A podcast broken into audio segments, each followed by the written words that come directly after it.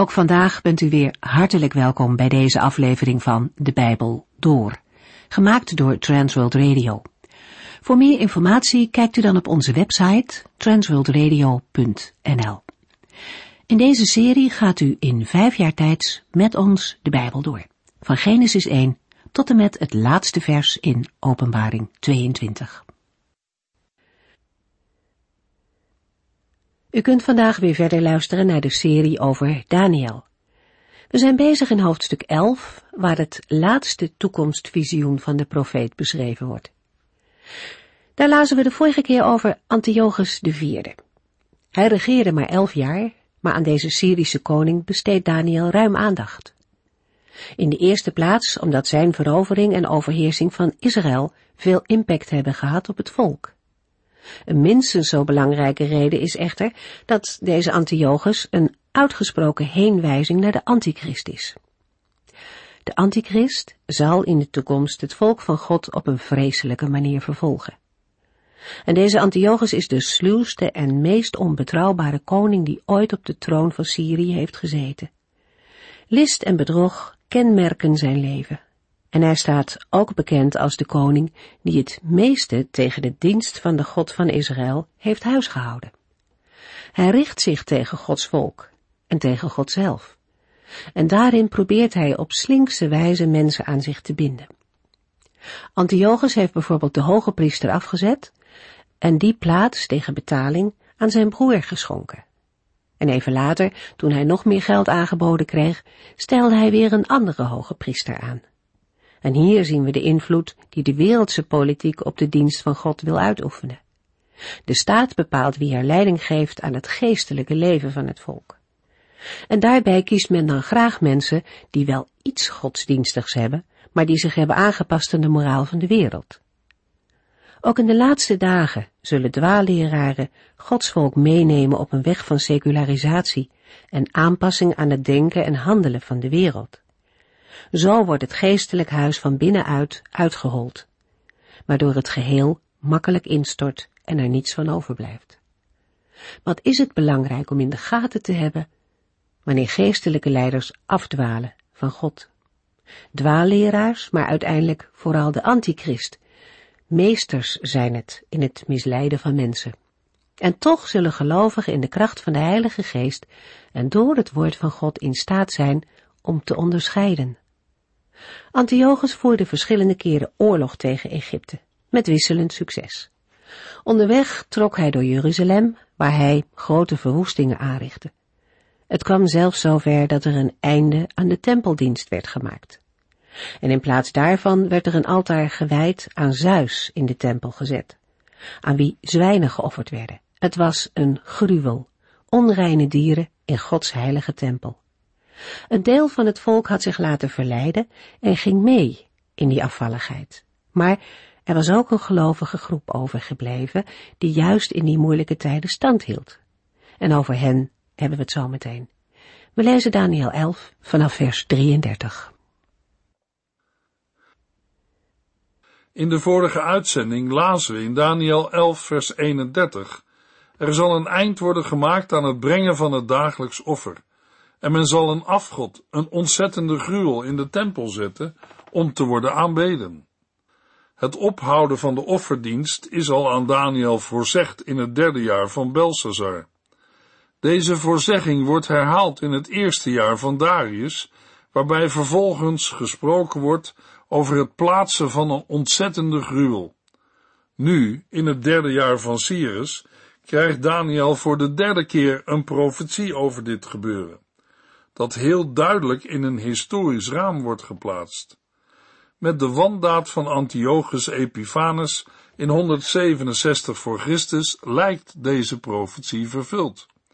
Het is ook een vervulling van deze profetie, maar nog niet de volledige vervulling. Anders had de Heer Jezus in zijn dagen niet over deze profetie kunnen spreken. Hier geldt hetzelfde als van het woord aangaande Elia. Elia komt, zo zegt de heiland, maar tegelijk geeft hij aan dat Elia in de persoon van Johannes de Doper al gekomen is.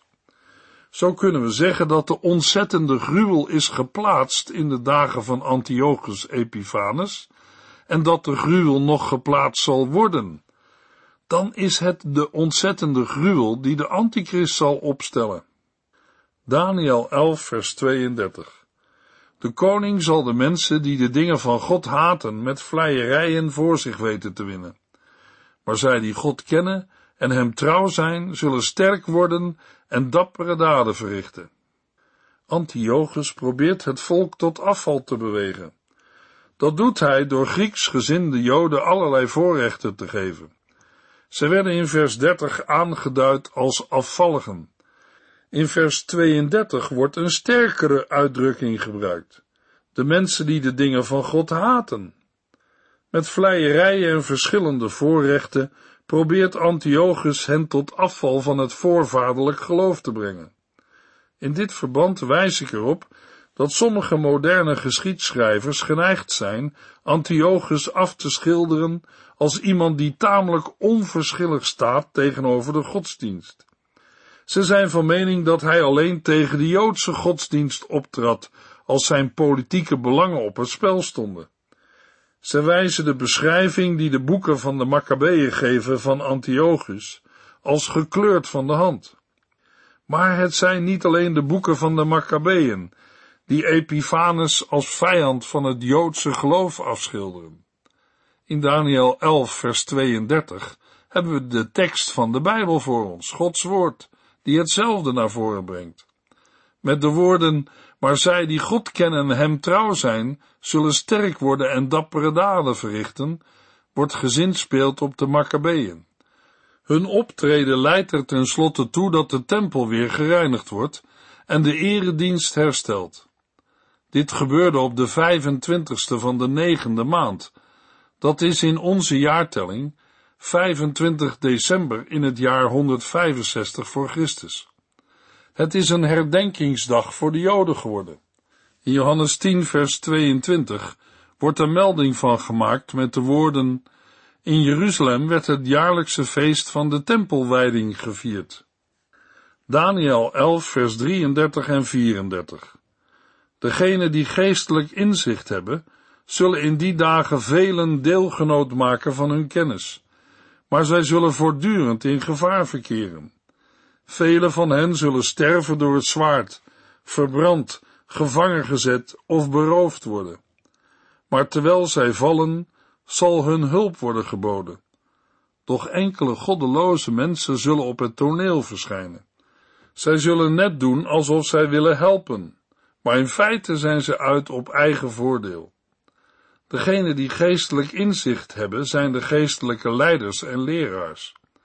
Zij zullen in die dagen velen deelgenoot maken van hun kennis.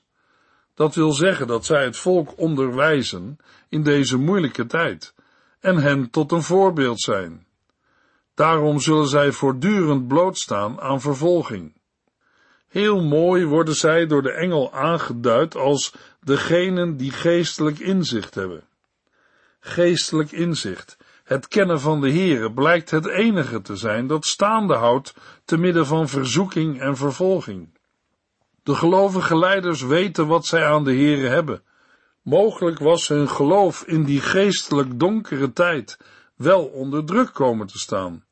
Maar toen het erop aankwam en ze voor de keuze werden gesteld, was het voor hen duidelijk. Zij kennen de Heere en weten dat het beter is om met het volk van God slecht behandeld te worden dan tijdelijk te genieten van de zonde. Zij blijven door Gods genade staande, al worden hun bezittingen afgenomen, al worden zij verkocht als slaven en gemarteld. Want in die tijd blijkt dat al de vriendelijkheid en vrijgevigheid van Antiochus alleen een masker is geweest. In de genoemde zaken komt de ware aard van Antiochus openbaar. Hij blijkt een beest te zijn, satanisch van aard. Maar er gebeuren in die tijd toch ook verrassende dingen. Er blijken leraars te zijn die onderwijs geven in de openbaring van God. Geestelijke toerusting, dat is wat de Israëlieten nodig hebben om staande te blijven tegen de antichristelijke machten en krachten. Een geestelijke wapenrusting. Gods volk blijft niet staande door politiek of door tactiek, maar door het onwankelbare woord van God. Er is een wapenrusting om te gebruiken in de geestelijke strijd. Antiochus neemt zijn maatregelen en velen moeten sterven, en de Heere laat dat toe. Het gaat hem om de reiniging en de heiliging van zijn volk. In vers 34 lezen we dat er hulp zal worden geboden. In de grondtekst staat, zij zullen met weinig hulp geholpen worden. Deze woorden zien op de uitredding die de Heere door de Maccabeeën geeft.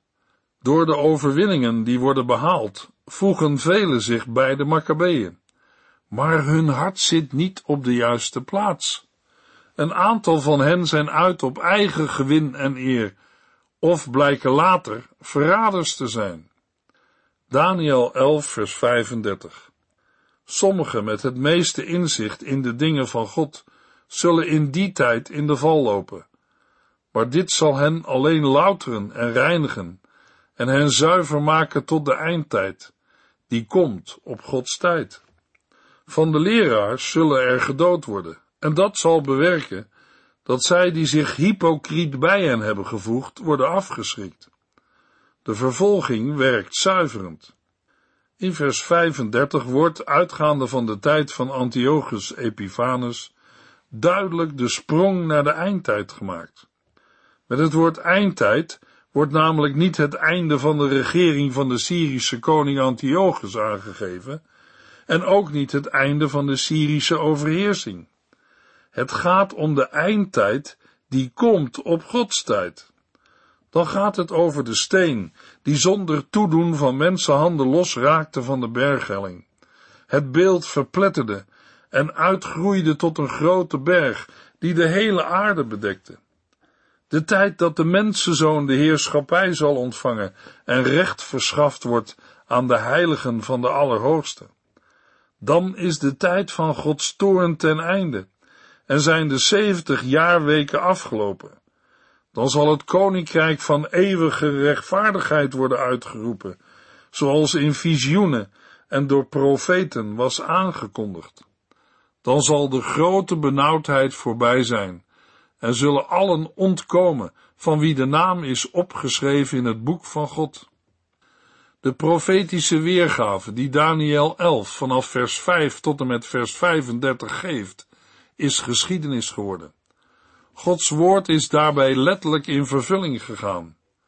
Wij mogen dan ook zeker weten dat het gedeelte dat nog op de toekomst slaat, net zo letterlijk zal worden vervuld. En dat geldt ook voor de profetische vervulling van de woorden over Antiochus Epiphanes. Het woord van de profetie is namelijk geen mensenwoord, want de profeten hebben die woorden niet zelf bedacht, maar de Heilige Geest heeft hen ertoe gedreven namens God te spreken. De eindtijd springt in de profetie over Antiochus Epiphanes vooruit naar de Antichrist. Daniel 11 vers 36 De koning zal precies doen waar hij zin in heeft. Hij zal beweren dat hij groter is dan elke bestaande God en zelfs spotten met de God der goden. Het zal hem goed gaan tot Gods geduld op is, want Gods plannen zijn onveranderlijk. Nadat de aandacht gevestigd is op hen die God kennen en hem trouw zijn, die in de tijd van verdrukking het volk zullen voorlichten, neemt vers 36 de draad van vers 32 weer op. En wordt de beschrijving van Antiochus Epiphanes voortgezet. Maar daarvoor moeten we nog even terug naar vers 35b waar gesteld is dat de loutering en reiniging van hen die de Heere trouw blijven, zal doorgaan tot aan de eindtijd. Het karakter van de eindtijd komt in vers 36 niet voor de eerste keer naar voren. Ook in vers 27 kwamen we het tegen in de woorden, voordat het door God vastgestelde moment is aangebroken. De terreur en verdrukking onder Antiochus, zijn een voorafschaduwing van de werkelijke eindtijd. Hij zal beweren dat hij groter is dan elke bestaande God en zelfs spotten met de God der goden. Deze beschrijving past op Antiochus Epiphanes, van wie al vanaf Daniel 11 vers 10 wordt gesproken. Hij stond bekend als beschermer van de Griekse goden, maar stelde zich praktisch met deze goden op één lijn. De naam Epiphanes heeft de betekenis van de geopenbaarde God, maar de beschrijving past nog veel beter op de antichrist, van wie Antiochus Epiphanes een afbeelding is. Ook uit vers 36 blijkt dat de Heere paal en perk stelt. We lazen, het zal hem goed gaan tot Gods geduld op is, want Gods plannen zijn onveranderlijk. Antiochus Epiphanes heeft dat gemerkt. Aan zijn tijdperk kwam een einde. In vers 36 komt ook de ware bedoeling van Antiochus en de antichrist openbaar. Beide willen als God zijn en zich boven alle goden verheffen. Voor Antiochus is niet alleen de God van Israël zijn vijand. Ook de goden van zijn voorgeslacht respecteert hij niet. Alleen de God van macht en geweld, die krijgt een plaats. Dat is de oppergod Zeus, zoals Antiochus die in Rome heeft leren kennen. Voor Zeus heeft hij ook veel over, maar ten diepste gaat het dan om zichzelf. In Zeus ziet hij zichzelf. Er zijn munten uit zijn tijd gevonden, waarop Antiochus staat afgebeeld met de gelijkenis van de afbeelding van Zeus. En op die munten noemt hij zich Antiochus Theos Epiphanes, de geopenbaarde God, God in het vlees. Zo ziet deze koning zichzelf, terwijl een deel van zijn volk hem Epimanes noemt, de gek. Maar anderen kruipen voor hem en aanbidden hem, want dat levert geschenk op. De eigenzinnige koning Antiochus zal aanvankelijk en voor een korte tijd succesvol zijn. De Heere zal toestaan dat dit gebeurt tijdens de laatste helft van Daniels zeventigste jaarweek. Luisteraar, ziet u de lijnen? Begrijpt u de profetie? Het ging toen in Israël om de aanbidding van de vleesgeworden Zeus, een afbeelding van de toekomstige antichrist, of om de aanbidding van de Heere. Het gaat nu nog steeds om de keuze tussen het beest, de antichrist of het lam, Jezus Christus. Wat is uw keuze? Daniel 11, vers 37 tot en met 39. Hij zal geen respect hebben voor de afgod van zijn voorouders, ook niet voor de afgod die bij de vrouwen geliefd is, of voor een andere afgod, want hij zal er prat op gaan dat hij groter is dan al deze afgoden. In plaats daarvan zal hij de vestinggod aanbidden, een afgod van wie zijn voorouders nog nooit hebben gehoord. Hij zal hem vereren met goud, zilver, edelstenen en andere kostbaarheden. En met hulp van deze afgod zal hij onneembare vestingen veroveren. Wie deze afgod vereert, zal hij eren en hoge bestuursposten geven. Als beloning zal hij het land onder hen verdelen. Bij de bespreking van vers 36 zijn we al ingegaan op het aspect dat Antiochus geen respect had voor de goden van zijn voorouders. Hij was zelf van Griekse afstamming, maar zijn familie woonde al anderhalve eeuw in Syrië en had zich in de loop van de jaren vermengd met andere culturen en godsdiensten. Antiochus negeerde de Syrische godheden, waarin ook van Griekse invloeden sprake was. Antiochus verruilde de goden van zijn voorouders voor de oppergod van de Grieken. De ontzettende gruwel die in de tempel van Jeruzalem werd neergezet, was ook aan Zeus gewijd.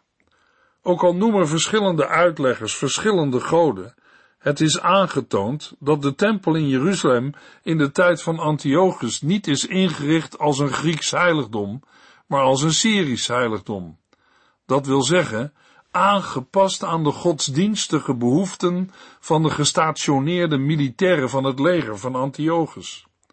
De woorden, in plaats daarvan zal hij de vestinggod aanbidden, een afgod van wie zijn voorouders nog nooit hebben gehoord, duiden op de god van de vestingen, en dat is Zeus Olympios. Bij de Romeinen heet hij Jupiter Capitolinus. Voor hem richtte Antiochus een beeld op, in de tempel van Jeruzalem en zijn altaar werd bovenop het brandofferaltaar neergezet.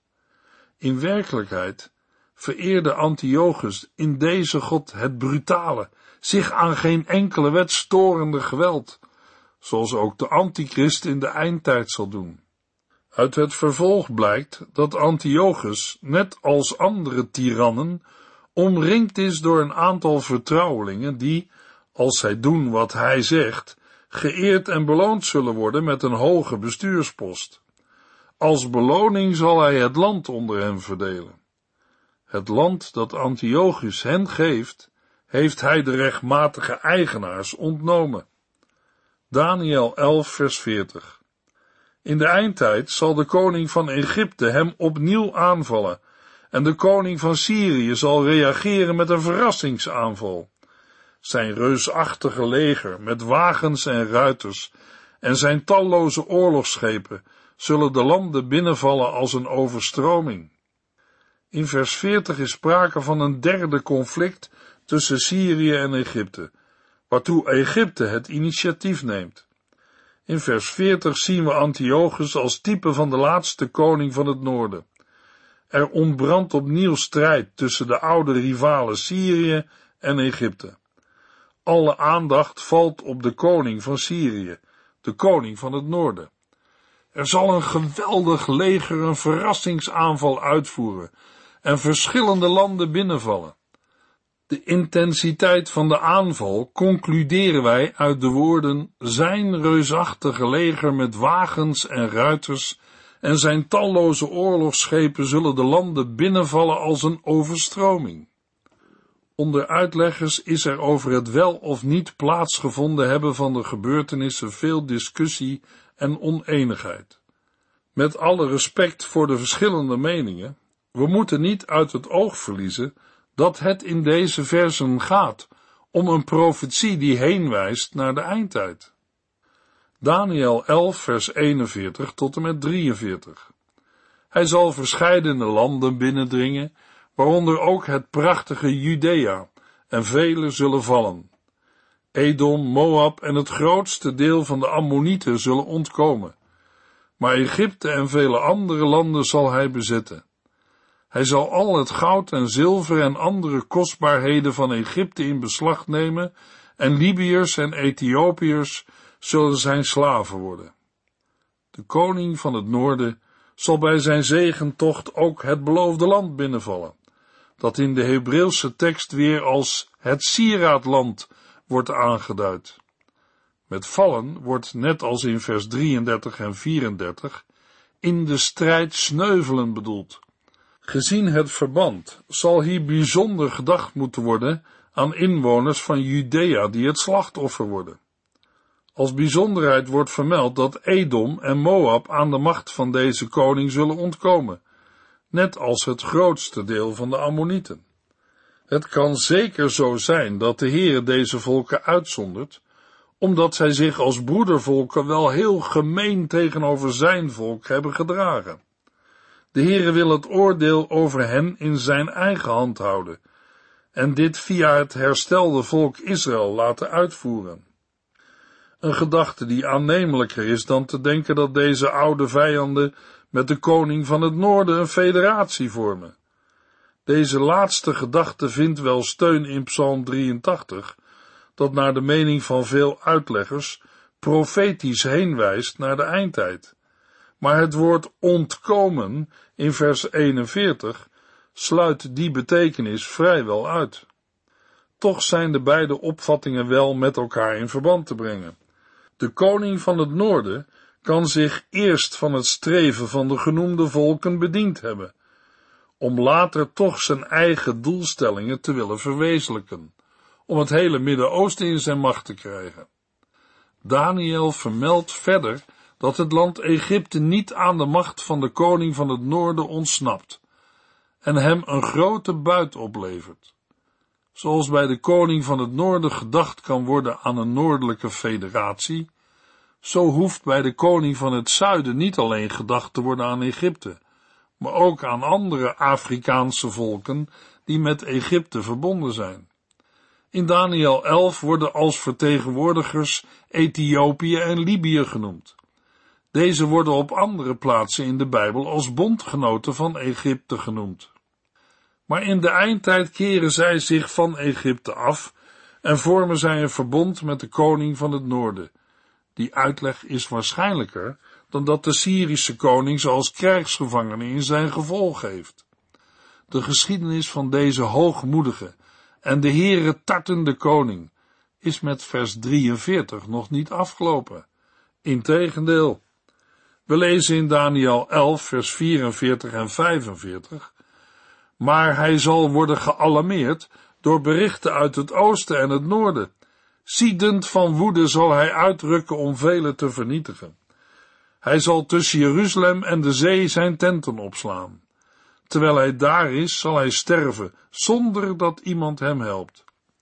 De zegetocht van de koning van het noorden tegen Egypte wordt onderbroken door geruchten uit het oosten en noorden die hem alarmeren. Ook hier hebben we weinig aanknopingspunten met de geschiedenis van Antiochus Epiphanes.